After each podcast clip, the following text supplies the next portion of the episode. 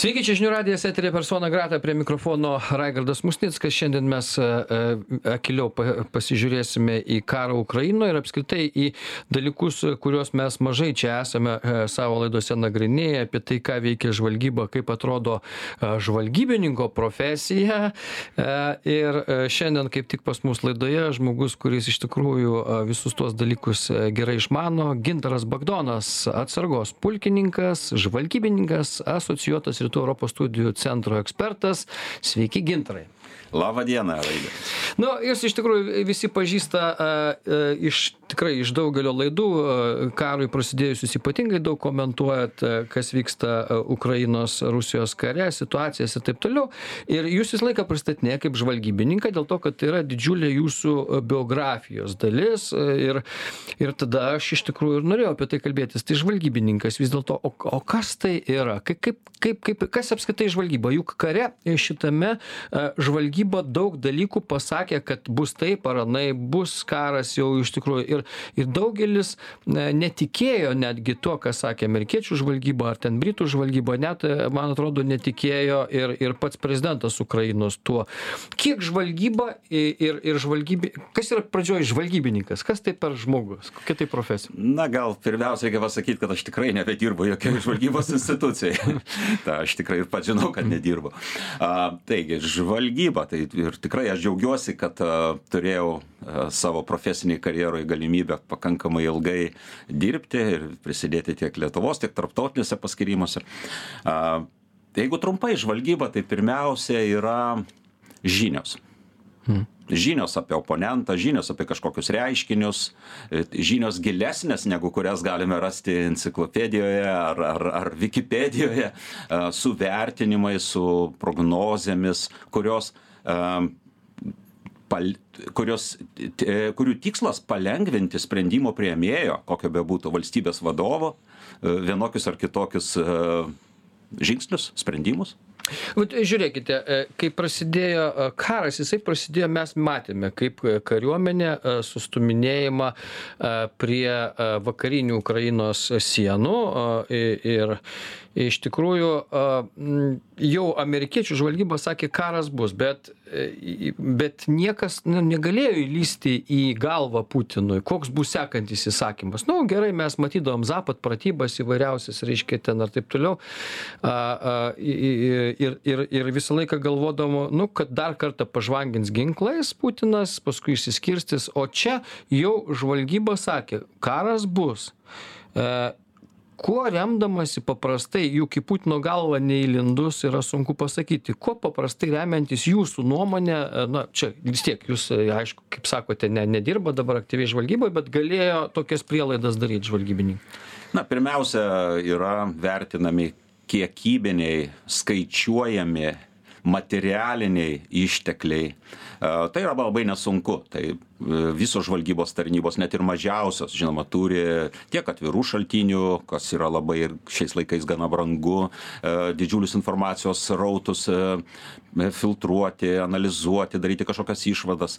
Toliau yra techninės žvalgybos priemonės signalų bet kokia elektronika bet kokios priemonės jos skleidžia elektroninius vienokią ar kitokią elektroniniu pavidalu informaciją. Ir yra techniniai techninės galimybės ją skaityti skaityti vertinti gauti pranešimą koks ten tankas koks lėktuvas kuris yra jo vieta jo visą techninę gyvenimo galima netgi sužinoti. E toliau turime palydovinius išteklius dar vadinama atvaizdų atvaizdų žvalgyba tai yra e daromos palydovinės nuotraukos ir vertinama. Bet visa tai e yra kiekybinė. Tai yra kas yra techniškai įmanoma suskaičiuoti nu ir kažkiek įvertini turinti e, e, analitikui turinti profesinių žinių patirties. E, taip pat bet kaip ir jūs klausiate kaip kaip suvokti ketinimus oponento šiuo atveju apie kalbant apie karą rusijoje ką svarstė tiek putinas tiek jo aplinka ten saugumo taryba ar ar ir kiti. Tai žinoma yra sudėtingiausia iš dalies padeda žinojimas profesionalus žinojimas oponento tos šalies kultūrinių, e, netgi jo biografinių psichologinio, psichologinių studijos apie tą analizuojamą veikėją, žmogų kažkokį taip, bet ir to dar nepakanka. Tai šitoje vietoje, žinoma, yra žmogiškoji žvalgyba, taip sakant, angliškai vadinama human intelligence. Tautoje nežinau. E, šnipai. Šnipai, gal aš ne, nenorėčiau to žodžio naudoti. Mm. Tai nėra. Va, Bet tai, tai čia labai daugia planė tarnyba. Tai, žvalgyba yra daugia planis veikimas. O kiek dabar, į, į, va tos, jūs sakote, iš tikrųjų labai daug atvirų srautų yra informacijos ir labai daug yra e, elektroninių ryšio priemonių, kurios iš vienos pusės mums palengvina gyvenimą, iš kitos pusės turbūt žvalgybai jos yra na, tam tikra dovana kiek galima pavyzdžiui ką mes matėm e, karo metu kad ukrainiečių e, sakykim štabas jisai nuolat pagauna kažkokius pokalbius rusų kareivių pasikalbėjimus visa kita. Tai irgi į žvalgybą įeina ar ne tie dalykai? O tikrai taip bet e, šalia žvalgybos čia yra elektroninės kovos taip pat metodai. Jau galima tą signalą ar tai pokalbį ar kitokią elektroninę spinduliuotę galima perimti ir naudoti žvalgybos tikslais bet galima ir angliškai džeminti. Tai yra trikdyti trukdyti, su, sustabdyti, sugadinti, paprastai tariant. E, iki to, kad e, kažkoks prietaisas nebeveikia, aviacija krenta, artilerija irgi atsis, ne, ne padaro, pasidaro neveiksni. E, čia žinoma eina kalba apie iš jau šio laikiniam technologijų pagrindų padarytą techniką. Tai visą tai leidžia kontroliuoti. Kaip, tai čia jau kitas klausimas. Ir taip pat perimta, vėlgi naudojama arba žvalgybai, mm. tiesiog ir neatskleidžiama, nes reikia saugoti šaltinį, metodą, kaip aš perėmiau, arba e, panaudoti e, informaciniam karui, kaip jūs paminėjote, kad e, perimti pokalbiai tarp ten kokio ruso kario ir jo ten žmonos ar mamos e, tam, kad parodyti, atskleisti ir plačiai visuomeniai, kaip iš tikrųjų viskas vyksta. Kokiam lygmenyje vis tiek yra, sakykime, šiai dienai dvi žvalgybos rusų ir amerikiečių. Smarkiai skiriasi nes na visą laiką įdomu kiek kiek žvalgyba gali padaryt. Nes dargi ten man atrodo sun dzi dar savo laiku kalbėdamas apie tai kaip laimimas karas tai ten jisai kalbėjo savo knygose apie tai kad logistika ir žvalgyba tai yra pirmieji dalykai su kuriais jau laimimas karas o tik paskui ten kariuomenė žingsniuoja. Tai vat kiek yra ar pranašesnės e, žvalgybos yra amerikiečių ir rusų? Nu apie ginklus aš jau čia nekalbu bet man labai patinka jūsų klausimas ačiū čia puikus. Puikus klausimas. Iš tikrųjų esminiai yra taip kaip valstybės iš esmės skiriasi arba valstybių paimkime vakarų šalių demokratijomis grįstomis laisvomis visuomenėmis kur gerbiamas įstatymas viršenybė įstatymo tai yra yra ir totalitarinius autokratinių šalių žvalgyba. Aš giliai įsitikinęs kad ž kaip tai neskambėtų paradoksalu kad totalitarinių valstybių žvalgyba yra silpna iš esmės mm. jinai turi stiprų represinį aparatą ir jų žvalgybos pajėgumai daugiau yra nukreipti apsaugoti režimą nes visur tai paaiškina dar pirmiausia ir matematika. Nu, toks kagėbistinis lygis, taip, ar ne, savų sekti. Jie, jie yra, jie, ten yra stiprus ir galingi. Mm. Uh, bet netgi šitas karas vykstantis dabar karas ukrainoje tai labai aiškiai e, demonstruoja žiūrėkime iki pačioje plataus masto invazijos pradžioj e, kuomet rusai e, bandė įvykdyti kijevo užgrobimą taip vadinamo blitzkrieg operaciją, kuo jie rėmėsi? Jie rėmėsi menamų didelė penk, menama didelė penkta kolona. Taip agentais, šnipais, užverbuotais, įtakotais. Ir čia FSB, Federalinė saugumo tarnyba Rusijos, galbūt ir kitos dvi pagrindinės tarnybos, turėjo atlikti tam tikrą pareišimą į darbą jos neatliko jos dėl vidinės korupcijos dėl um, tikriausiai tikėtina dėl uh, baimės išteklių Putino. baimės mm. ir dėl viso kito jos piešia gražesnį vaizdą e, ir čia yra du aspektai tai vat jūs paminėjot baimės Putinui jos mm. žinoma e, raportuodavo pateikdavo informaciją visiškai neatitinkančią realybę nes pateikti teisybę kad ten yra pilietinė visuomenė kad ten ir nieks čia nepasiduos taip taip tai mm. yra tai yra šito šito kaip nebūtų paradoksalu Putinas šito nežino žinoję, ką mes mes tikriausiai eilinis lietuvos gyventojas kuris du du pakankamai domisi gali tą galėjo tą perskaityti ir matyti šiais laikais e, kokia tai yra pilietinė visuomenė kas yra ukrainietis pilietis ir ir kad jis tikrai gins. Tas buvo vis daugumai bent jau aišku. Tas visiškai nebuvo aišku e, putinui jo aplinkai rusijos generaliniam štabui. Tikėtina taip pat ir čia yra esminis skirtumas e, dėl to kad grįžtant prie jūsų klausimo kad tai žvalgybos e, e, kurios jos negali diktatūrinėj šalyje e, e, pakankamai būti e, profesionalios vien dėl tos priežasties, kad diktatorius e, nenori tiesos išgirsti. Gerai, trumpą pertrauką padarom. Gintaras Bagdonas šiandien pas mus laidoje, po pertraukos pratesim. Tęsiame persona grata. Gintaras bagdonas e, e, šiandien mūsų laidoje atsargos pulkininkas žvalgybininkas asocijuotas rytų europos studijų centro ekspertas. Mes pradėjome apie žvalgybą dėl to kad gintaro e, dalis gyvenimo susijusi su su žvalgybininko profesija. Ir mes pabaigėm ties to rusų ir amerikiečių bandėme palyginti žvalgybą. Ir čia iš principo nekorektiškas netgi sakyčiau turbūt lyginimas kai yra viena valstybė totalitarinė o kita demokratinė.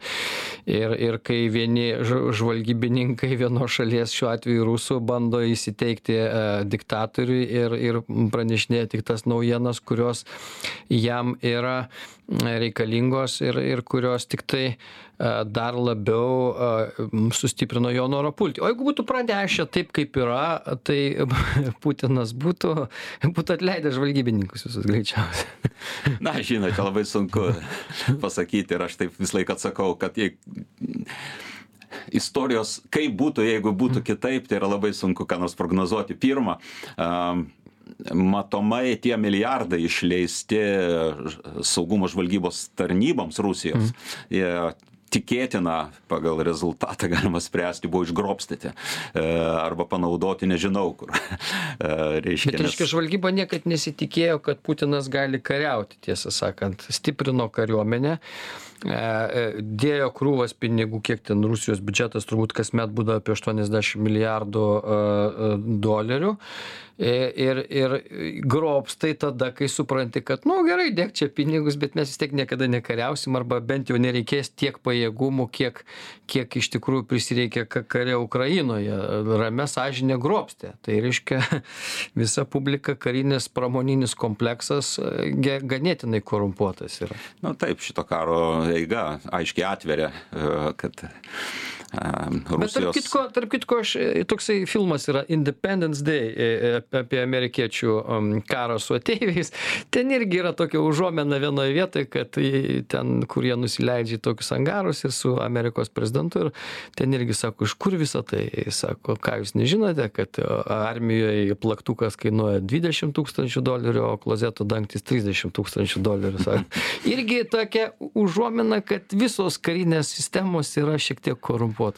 Na, nežinau, aš tai filmo šito nemačiau, bet e, gal nebūtinai dėl korupcijos, e, kai iš savo patirties tarnybos e, tiesa diplomatiniai civiliniai užsienio reikalų ministerijos sistemoje Afganistane. Mm. E, nu, tikrai manau, kad kartais dėl biurokratinių procedūrų, dėl neteisingai nustatytų prioritetų, e, žinoma, nėra taip viskas juoda ar balta. Ir šiuo atveju grįžtant prie Rusijos, aš dar to, šitoje vietoje norėčiau akcentuoti, kad ne, nenuvertinkim ir priešą.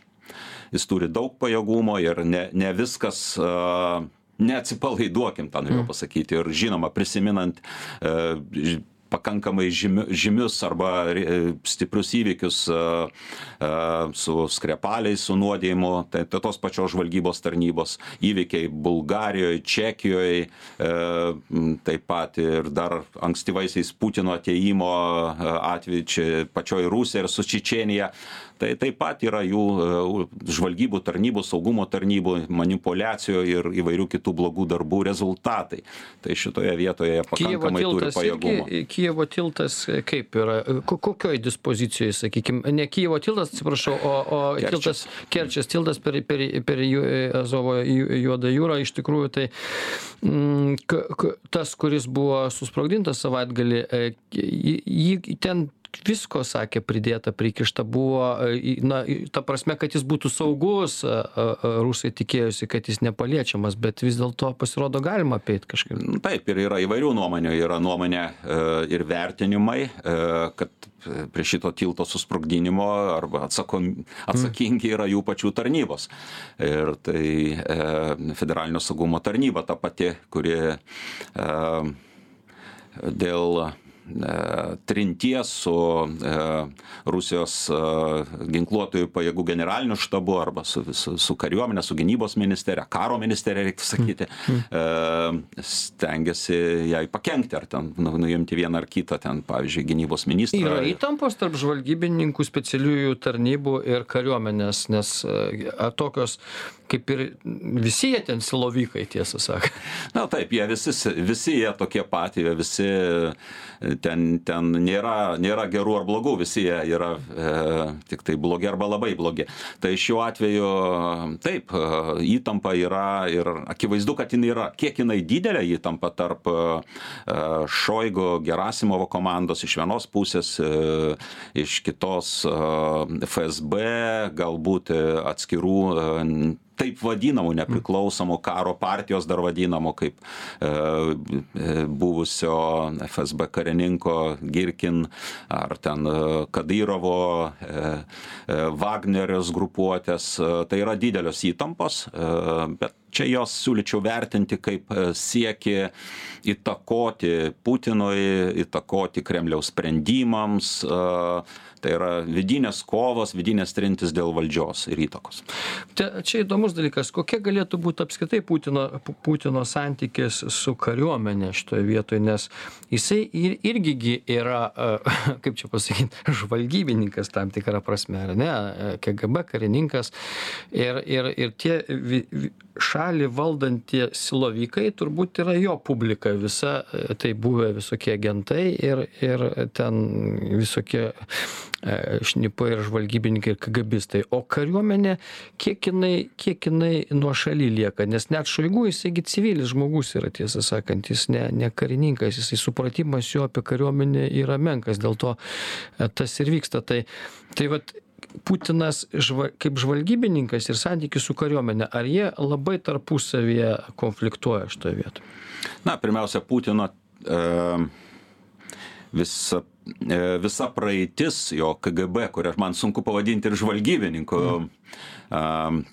tai ta KGBistinė praeitis jį suformavo tokį, koks jis yra. Ir jūs čia teisus, kad jisai tik tikėtina labiau būtų palaikantis e, tą saugumietišką e, KGB dvasioje persmelta jų žvalgybos bendruomenė Rusijos.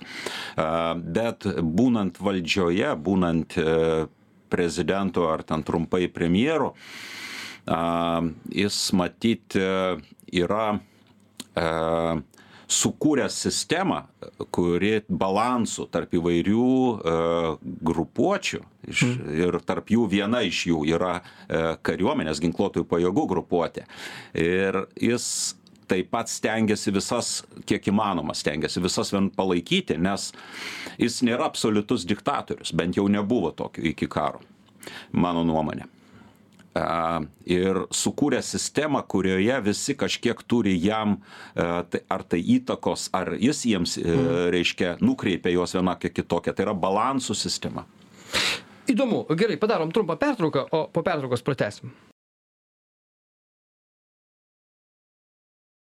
Tęsiame persona grata. Gintaras bagdonas atsargos pulkininkas žvalgybininkas asocijuotas rytų europos studijų centro ekspertas. Šiandien mūsų laidoje mes pirmą laidos dalį apskritai pasikalbėjom apie tai kaip veikia žvalgyba ir matyt su gintaru galima būtų čia dar kelias valandas šnekėti apie tai bet vis dėlto tiesą sakant įdomu tai kas dabar darosi ukrainoje kokie čia karo etapai. Vėlgi ta pati man atrodo britų žvalgyba sako kad baigėsi resursai rusam rusams. Jie pleškina savo raketas įvairiaus, įvairaus kalibro, įvairaus nuotolio ir galingumo, netgi suskaičiavo, kiek tai gali kainuoti vienas čia išpolis ar, ar pora, kurie čia vyko dabar smūgiai į Kyjevą. Mm, ar tikrai baigėsi, kaip Jūs galvojate?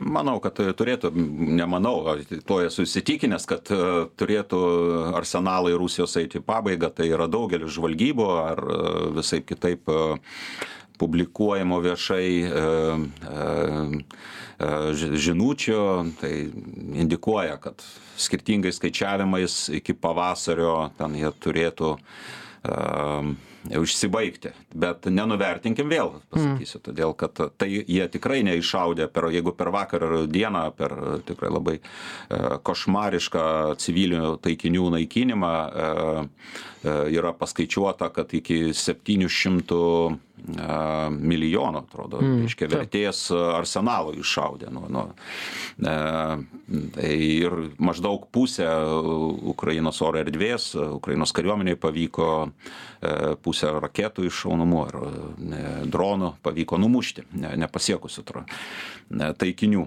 A, tai tikėtina kad iki pavasario jeigu vienokiu ar kitokiu tempu palaikant po penkias ar nuo penkių iki dešim raketų per dieną iki iki pavasario ir per ateinantį pusmetį turėtų ištuštėti jų arsenalai.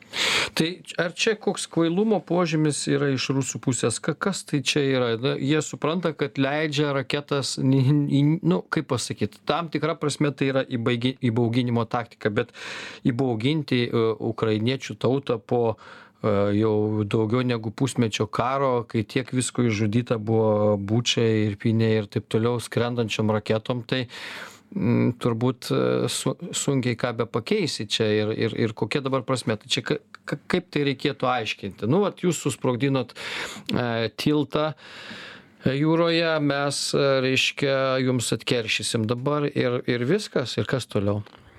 Na, jūs teisingai pastebėjote, čia dar daugiau, čia ne, ne kuo įbaugins, o dar labiau. E, Įsiutins. Tiesiog sukels nuožmumą priešintis ir e, vakarykštis, ypatingai vakarykštis įvykis, tai tiesiog dar labiau telkia e, ir pyktis, ir nuožmumas vienytis, remti kariuomenę, prisidėti prie krašto išlaisvinimo, prie šalies išlaisvinimo. Ir mm. ta, ta, tuo ir pasieks. O o rusija tiksliau jos veikėjas ir aplinkui kiti veikėjai aplink putiną esantys na jeigu pas vieną yra desperacija pas kitus noras įtikti jam ir kad kažką reikia daryti.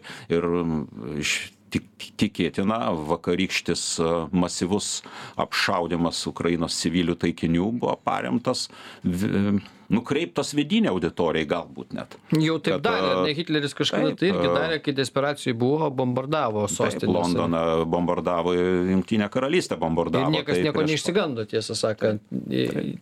Tai tiesiog net istorijos nežinojimas, bet tai vėlgi akivaizdu, čia keičia dabar karo vadus Putinas, ten kiekvienas visi su įdomesnė pavardė, dabar Surovikinas, nu, čia toks, nu, žodžiu, sur, suro, surovai, rusiškai nu, nuožmus turbūt ir irgi tai. Aš atkreipčiau dėmesį, kad e, šitas vadas yra pirmas vadas, jį nepakeitė, o mm. pastatė naują. Prieš tai buvo grupuočių, mm. atskirų grupuočių Ukrainoje vadai. Ir e, netgi, sakyčiau, net kariškai vertinant iš karinės perspektyvos Rusijos veiksmus Ukrainoje, jie neturėjo vieningos uh, uh, vadovybės.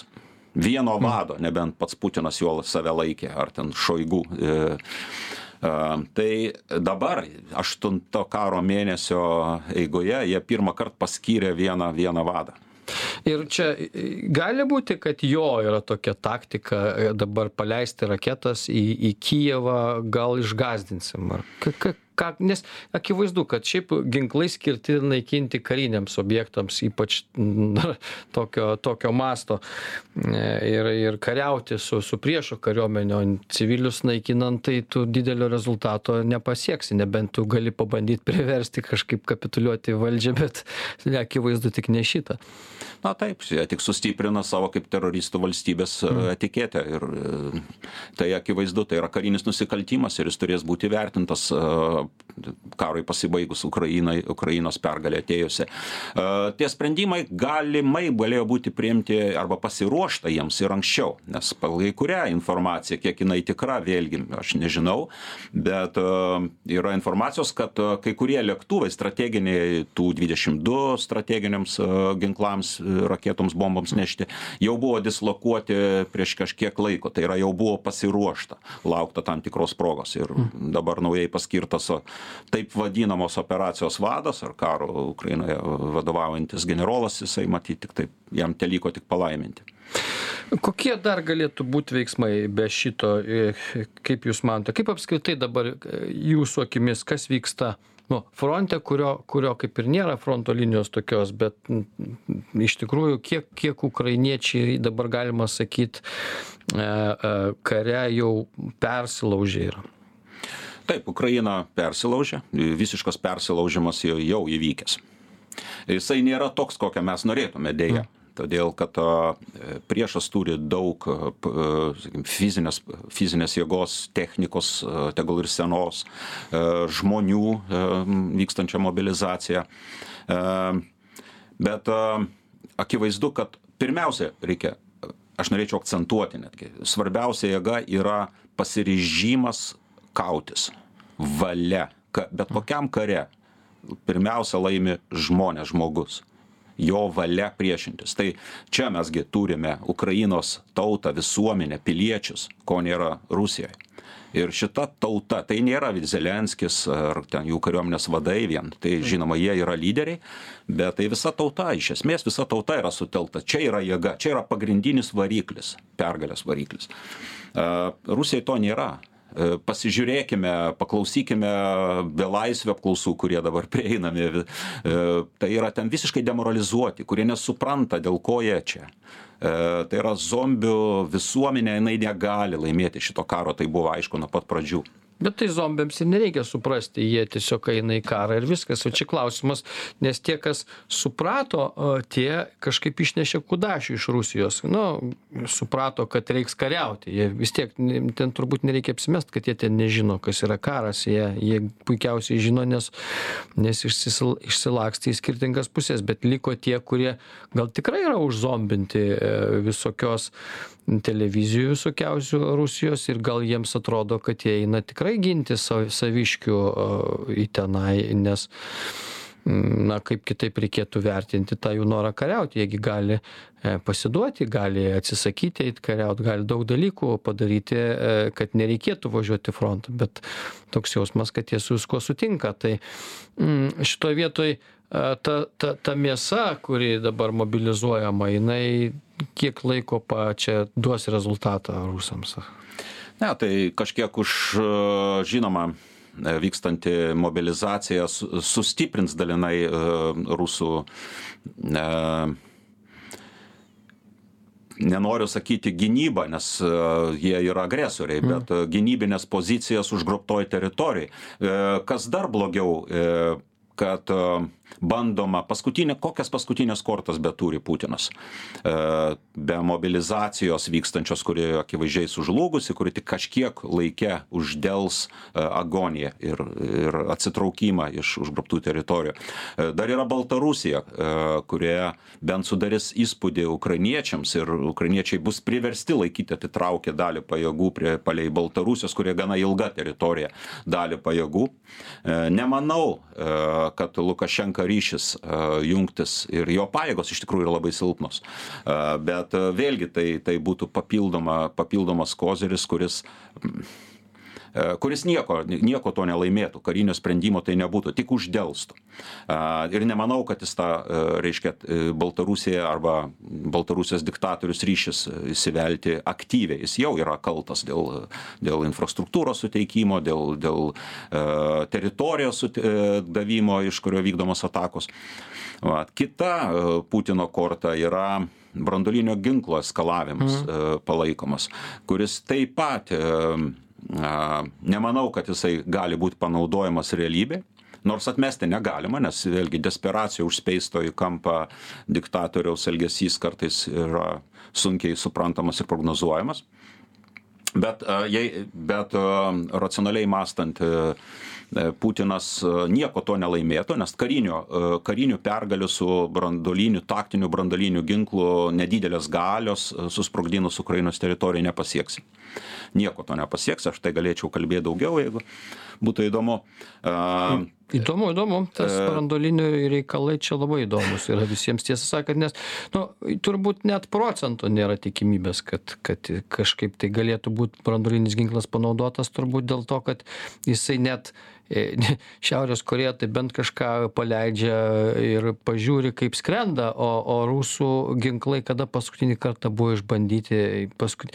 Įgi ten turėjo Semipalatinskį, ar ne, kiek aš suprantu, poligonus brandoliniams bandymams. Semipalatinskį, net ir to poligono jie nebeturi jau, nes tai yra Kazakstano teritorija. Ir iš esmės, e, iš esmės e, jie nežino šaus ar nešaus, tiesą sakant, jų chlapuškės tos. chlapuškės. Na, e, visgi, kaip, kaip visada sakau, reikia turėti dar omeny, kad tai tikriausiai brandulinė gale to, ko labiausiai e, šantažuoja vakarus, tai kažkokia jos dalis, manau, dėja yra prižiūrima ir išlaikoma. Aš nežinau, kiek daug, nežinau, kiek, bet tai turint omeny arsenalo sandėlių dydžius, tai tuos tūkstančius brandolinių užtaisų, kuriuos turi Rusija tegul ir labai maža dalis e, geresnėj nevidutinėj kokybėj jau kelia grėsmę visam pasaulio ir, ir mūsų saugumui. Taip, tai čia ne, ne, negalima visai atsipalaiduoti, reikėtų tą riziką uh, uh, vertinti, kad tegul ir ne, labai nedidelė tikimybė egzistuoja. Bet, kaip minėjau, tai... Bet žvalgybagi matytų, kas vyksta iš tikrųjų, vėlgi grįžtant prie, prie jūsų čia profesijos žvalgybos, kaip, kaip sakykime, vakarų šalis jeigu prasidėtų judėjimas gi tas e, galvutes reikia prie kažko priklijuot ten prie nežinau iskanderų kokių nors ar prie ko kas ne nešančių raketų ir ir ten jos irgi sprogsta įvairiai turbūt ore sprogt gali arba kitais būdais. Tai tai vadinasi e, visas tas judėjimas jisai būtų matomas e, tikrai taip. ką ką vakarai darytų tokiu atveju taip tai pirmiausia techninės žvalgybos pagalbom kurios yra patikėkit yra gana elementariai ir paprastai vykdomos įgyvendinamos. Tai yra tai yra didžiuliai žvalgybiniai tiek jungtinių amerikos valstijų net ir vidutinio dydžio nato šalių europos sąjungos šalių žvalgybos tarnybos matytų e, brandolinių ginklų judėjimą. O kaip pranešama tokių indikacijų kol kas neturi. Kad brandolinių gink, gink, brandoliniai ginklai yra transportuojami ar kažkur tai pervežami ir judami. Uh, tai tai čia čia yra tikrai ta situacija pirmiausia žvalgybos indikuotų. E, antra, e, vakarų šalis, JAV, e, jau kaip informuojama, tikrai yra, manau, įspėję vienais ar kitais kanalais Kremlių, kas atsitiktų, jeigu drįstų panaudoti kad tai tikrai būtų tas rubikonas kurį peržengus jau kelio atgal nebūtų. Jis sunaudotų visas rusijos kariniai pajėgumai būtų sunaikinami. Manau ne ne konve tai yra konvencinėmis konvencijomis nepanaudojant net branduolinio ginklo. Tai e, vat kaip atrodytų vaizdas visas iš tikrųjų? Nu čia apokaliptinį mes vaizdą paišom bet bet tiesą sakant a iššauna a rusai nu gerai kokią nors ten taktinę raketą ar kažkaip ir neaišku kur pataiko dar.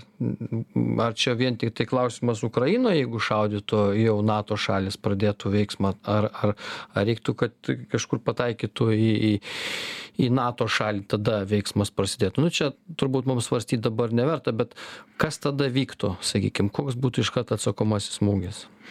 Na kaip kal kaip kalbėjom pirmiausia žinoma pamatytų būtų indikacijos kad e, vienoks ar kitoks branduolinis užtaisas yra e, atvežamas į panaudojimo vietą arčiau panaudojimo pritraukiamas kažkur tai rusijos teritorijoj visgi manau kad iš tos mažos mažos tikimybės kad taip gali atsitikt dar mažesnė tikimybė kad e, tai panaudotų ne prieš ukrainą o prieš kažkokią kitą šalį. Tai eskaluoti iki branduolinio susinaikinimo abipusio susinaikinimo nu, tą atmeskime, tai, tai tikrai to, to nebūtų.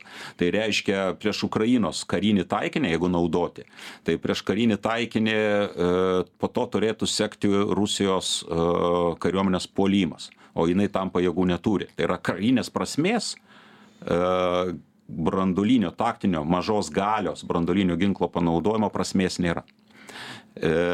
Gazdinti dėl politinių tikslų, kad eskaluoti situaciją, bet jeigu e, vakarai JAV pasakė, kad e, kirs atgal, tai, tai ir kirs, tada turės kirsti. Tai yra skelbiama įvairių ekspertų, žinoma, tai netiesioginiai šaltiniai. Nei Bideno administracija, niekas kitas atvirai to nepasakys, bet netiesioginiai, kaip buvęs CŽA direktorius, buvęs JAV generolas Petreusas, tai yra pakankamai autoritetingas žmogus ir patikėkim turintis ryšio tiek Baltosiuose rūmose, tuo labiau ir Pentagone ar Centriniai žvalgybos agentūrai, kai jis pasakė, kad būtų kertama Rusija atgal, ne konvencija, tai yra atsiprašau, konvenciniais ginklais, paprastais, nenaudojant, jų užtektų. Jų užtektų, kad sunaikinti, pavyzdžiui, e, Jodosios jūros e, Rusijos karinį laivyną. Mhm. Tai būtų ir politinis žlugimas pačio Putino. Be to, e, prisiminkim, dar yra trečias aspektas be atsako. Tai yra e, sprendimo prieimimo grandinė tai ne pats putinas juk spaus tą mygtuką e, raudoną ar kažkokios kitos spalvos iš savo kabineto. E, tai įtraukiama e, didelis skaičius pakankamai didelis keliasdešim sprendimų priėmėjų arba vykdytojų bet jie jie turi fiziškai visgi tą sprendimą perduoti kažkam kitam jeigu tai yra taktinis branduolinis ginklas tai yra divizijos lygmenyje ar ten kažkokios didesnio junginio tegul bus armijos junginyje tai tam generolai tai turės per pereiti tas sprendimas per gynybos ministrą e, karo ministrą e, generalinio štabo viršininko gerasimovo ten atskirų kitų aš e, tarpininkų. Ir visi jie nori gyvent ar ne išskyrus ten būtent. Ir jie turintys karinį išsilavinimą šiokį ar tokį ir gyvenimišką patirtį ir norintys nepabaigti savo gyvenimo e, ten kažkokiam tai Hagos paskirtoje. Kartuvėse paprastai. E, nu, gal ne kartuvėse iki gyvos galvos kažkokiai kamerai kaip Miloševičius, e, buvęs Jugoslavijos diktatorius. Tai tikriausiai jie gerai pagalvos, arba bent jau kažkuris iš tų kelių dešimčių generolų ir aukštesnių karininkų pulkininke o vis dėlto man vis tiek svarbus klausimas yra kuris e, o ko dabar laukia nato šalys tiesą sakant? Kodėl jos nu nato šalys nežinau čia jungtinių tautų dabar organizacijoj e, ten saugumo taryboj turbūt ir priimamos įvairios rezoliucijos smerkiančios prisijungimą smūgius į kijevą ir visa kita. Vat kol neiš išlei neiš iššaus nu, branduolinės raketos tol taigi visa tai dabar galima padaryt.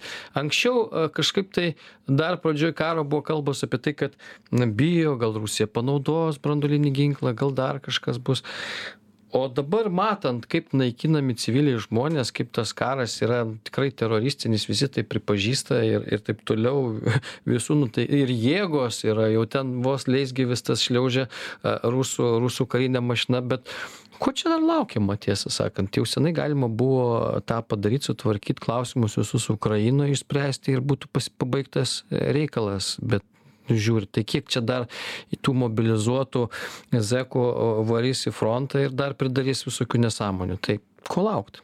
Na, jūs teisingai pastebit, lyderystės stoka yra kartais apgailėtina, bent jau kai kuriuose šalyse. E, negaliu taip teikti, kad vakarai padeda e, valstybei be e, kariaujančiai ukrainai jo žmonėm. Bet dažnai kaip matome ta parama vėluoja. Tie sprendimai priimami po ilgų svarstymų. E, po didelių tragiškų įvykių kaip dabar po vakar įvykstančio įvykusio masyvaus civilio sektoriaus apšaudymo dabar iš karto baidenas pažadėjo kad jau tuoj greitu laiku atvyks papildoma oro gynybos sistemų raketos ir ir kita pagalba.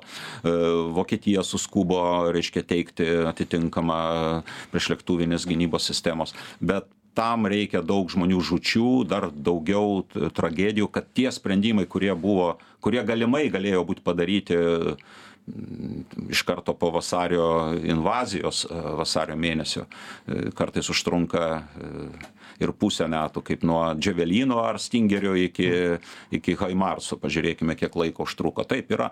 Tai deja tiktai galima sakyti kad mes mes džiaugiamės gyvendami demokratijoj ir visa širdim aš pats ginčiau demokratiją tą mūsų mūsų santvarką mūsų režimą. E, bet demokratija turi ir tą pasakykime neigiamas pasekmes kada kada uh, uh, reikalauja didelių vidinių diskusijų, sprendimai priemami labai negreitai, tai yra tiesiog lyderystės tokos gal, galimai. E, dar daugiau gal tas, ko laukiama, yra e, didžiųjų sostinių galios centrų vakarų šalise e, akimis perspe, iš jų perspektyvos žiūrima bijoma eskalacijos. Tiesiog bijoma eskalacijos ką gi palinkėt reikia mažiau baimės nes jau vis tiek sprendimus galima būtų greičiau priiminėti. Tikėkimės kad taip ir bus. Ruduo dar daug dalykų parodys mums. Dėkui jums gintaras bagdonas atsargos pulkininkas žvalgybininkas asoci asocijuotas rytų europos studijų centro ekspertas. Šiandien buvo su mumis. Dėkui gintarai kad atvykote ir iki kitų kartų. Ačiū jums